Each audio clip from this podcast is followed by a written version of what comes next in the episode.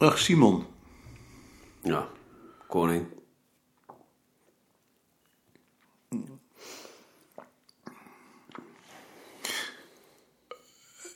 Heb je je noodhulen al af?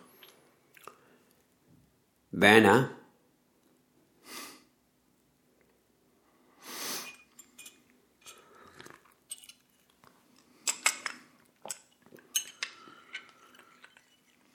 Het is stil vandaag. Er is geloof ik vergadering.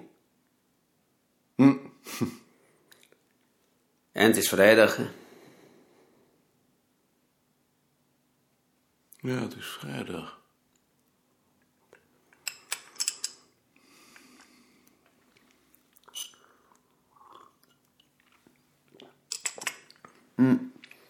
Houden jullie je eigenlijk ook bezig met bingoavonden? En interieurs.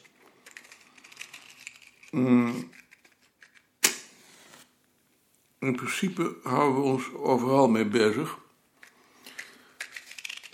Mm. Als het maar cultuur is. Hoezo? Interesseert je dat? Het interesseert me wel.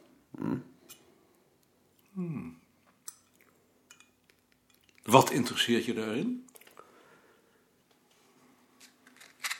Tja, wat interesseert me erin?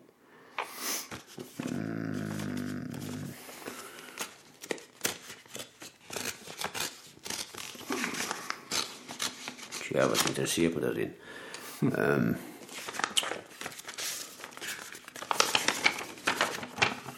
tja, wat interesseert me daarin? Ehm, Vogelverschrikkers. Hm? Vogelverschrikkers.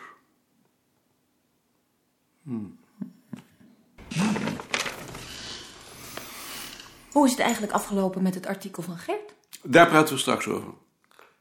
Kom je nou eigenlijk nog wel eens aan je eigen onderzoek toe? Nauwelijks. Maar dat heeft toch prioriteit? Je moet ons toch ook richting geven? Eh, Dat is toch ook je verantwoordelijkheid? Dat is ook mijn verantwoordelijkheid. Nou, ik heb nu besloten dat ik iedere ochtend alleen het eerste uur aan andere zaken besteed. Dat zou jij ook moeten doen. Waar ben je nu op het ogenblik mee bezig? Met die lezing voor Bon. Ik probeer te begrijpen waarom ze op het platteland van Zuid-Holland al in de 16e eeuw baksteen gaan gebruiken en in Noord-Holland pas veel later. En waarom is dat? Ik heb ontdekt dat als je land pachtte en op dat land een stenen huis bouwde, je jezelf in de praktijk een permanent gebruiksrecht op dat land verschafte, omdat de eigenaar bij vertrek verplicht was zo'n huis over te nemen. Houten huizen namen ze mee. Hoe kom je daar dan aan? Uit de rechtshistorische literatuur. En was dat dan niet zo in Noord-Holland? Daar werd maar heel weinig land gepacht. Het meeste was eigendom. Ik wil nou proberen om met behulp van processen, belastingcohieren en, en landmeterskaarten het tijdstip van die omslag vast te stellen. Maar ben je dan nog wel met ons vak bezig? Dan verander ik het vak. Maar is dat nou wel wetenschap wat hier gedaan wordt? Natuurlijk is het geen wetenschap. Mark, Ad is er nog niet, maar je kunt wel vast gaan zitten. Als ik om 11 uur afspreek, dan ben ik er om 11 uur. Is Ad er al? Ik denk dat de maaltijd met Engelien en Jetje Meijer gisteravond hem heeft aangegrepen. Hebben jullie met z'n vieren de maaltijd gebruikt? Zal ik er ook maar vast bij komen? Hij zal zo wel komen. Hoe was de promotie van Vreeburg? Bevredigend. Volgens mij zit hij precies op onze lijn. Regionale verschillen in de cultuur verklaard uit de economische situatie. Als die man straks hoogleraar wordt, heeft ons vak weer een leerstoel. En ik wil jullie eigenlijk voorstellen om hem ook in de redactieraad te halen. Als we besluiten om die in te stellen natuurlijk.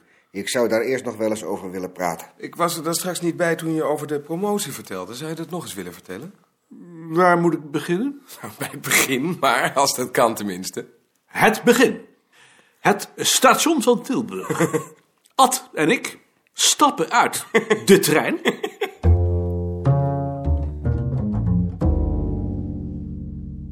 Ad, Mark is net weer weg Mark. met de mededeling dat je hem nog meer kunt vertellen. Ik heb nu in principe afgesproken voor kwart over twee. Ik heb uitgeslapen. Het is gisteren zo laat geworden. Ik weet niet hoe dat met jou is, maar dan kan ik niet meteen inslapen. Hoe vond je het overigens? Voel wel aardig. Die jetje lijkt me anders wel een aanwinst. Ze heeft iets ouderwets, iets van voor de oorlog. Vond je? In ieder geval niet zo'n gefrustreerde strijkplank als hier rondloopt. Maar nu zeg ik misschien te veel. Ik begrijp niet wat je bedoelt. Dat zie het je. Ik loop nog even een eentje om.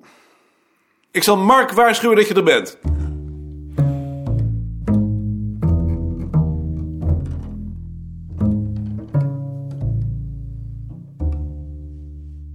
Dag Lien. Ben je weer beter? Ja hoor, Echt beter? ik heb alleen nog een hardnekkig hoestje. Net als jij. Dan is het goed. Met koning. Wow! Dag mevrouw Kater.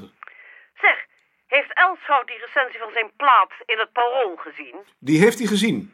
Feliciteer hem dan nog maar eens van me. Dat zal ik doen. Dat was het? Ja. Toch? Dag mevrouw Kater. Dag, Maarten. Dat had. Hebben jullie gezien dat er in Den Heb Haag een, gezien. een tentoonstelling is over massacultuur? Waar, waar stond het in? In het parool. Lees ik niet. Moet er niet iemand van ons naartoe? Waar jij er naartoe? Nee. Maar iemand anders? Moet daar iemand naartoe? Nee. Nou, omdat jij daar in de tijd een boek over hebt aangekondigd. eh, Daarom dacht ik dat wij ons daarvoor interesseren. Maar niet voor een tentoonstelling over massacultuur. Oh, Dan heb ik het zeker verkeerd begrepen. Wij interesseren ons voor wat mensen in huis hebben. Niet voor de dingen zelf. Dat is kunstgeschiedenis. Dus de mens staat toch centraal? De mens staat centraal, dat wil zeggen, de groep staat centraal, maar die verandert voortdurend. Nee, dan eh, heb ik het toch goed begrepen. Eh, zal ik het dan maar weggooien? Nee, ik, eh, ik wil het wel even houden. Ik heb het gevoel dat ze er geen sodemieter van begrijpt. Ik begrijp het ook niet. Wij interesseren ons voor groepscultuur. Dat zijn de gewoonten, gebruiken, voorwerpen waarmee groepen mensen zich van andere groepen onderscheiden. En de verschuivingen die daarin optreden. Wat is daar niet aan te begrijpen? Dat is zo helder als glas. Dus ik mag me niet met de kerstboom bezighouden. Je mag je wel met de kerstboom bezighouden als je maar let op wat die voor mensen betekent. Niet als je ballen gaat tellen, tenzij het aantal of de kleur van die ballen wat betekent natuurlijk. Maar hoe bepaal je dat dan? Wat iets voor iemand betekent? Goedemorgen, heren. Goedemorgen. Kijk, hier eh, zitten we met hetzelfde geval. Deze mensen zitten hier met boeken. Dus daar zullen wij iets aan moeten doen. Dekleden. Ja, alles wat los is, moet eruit. Als de bureaus maar leeg zijn. Koning, Ja, koning. meneer Eh, Wigmond. wat ik u vragen wou, hebt u ook tekeningen of afbeeldingen van schildersezels? Schildersezels? Ja. Waar hebt u die voor nodig? Ik wou er een maken. Ga- gaat u schilderen? Ja, maar ik wou nou ook buiten gaan schilderen en dan kan ik het wel op zo'n plankje doen. Maar ik dacht, als ik nou een schildersezel kan maken... Wa- wacht even. Ehm, wat is dat, Rie? Mijn artikel over straatmuziek. Maar, ehm, eh, maar kunt u dan niet beter in zo'n winkel gaan kijken? Eh, dat kan ook. Vraagt u anders eens aan de Vries, die schildert ook. Ik, ik heb ze niet. Bedankt. Wichtbold wil afbeeldingen van schildersezels. Ad, wist jij dat Rie dat artikel al af had? Ik had het gehoord. Is de schilder hier al geweest? Eh, schilder? Eh, ja, Hij wil weten wanneer hij hier kan beginnen. Eh, wanneer die wil. Oh, daar bent u. Wat moet er hier dan gebeuren? Alles wat los is, moet eruit. De bureaus, de boeken, de tafel. Nee, als de bureaus maar leeg zijn. Ah. Maar dan waarschuwt u toch wel eventjes hè, als het zover is? Ik zal de schilder zeggen dat hij bij tijds waarschuwt. Waar moeten wij dan naartoe? We zullen eens gaan kijken. Dag Jitske, dag Gert. Eh, hier kan er één zitten. Gert, we zoeken een onderkomen. En aan de bezoekerstafel Komen de schilders bij jullie? voor het plafond. Nou, dat werd dan ook wel tijd. De bladders hangen erbij. Steurt je dat? Ik denk iedereen wel. Doet mij niets. Voor mij had het zo mogen blijven. Maar zo denken je bezoekers er niet over. Dat is dan alleen maar een voordeel. En de derde? Die kan bij Rie zitten, aan het bureau van Frits Bloembergen. Daar zal ik dan wel gaan zitten.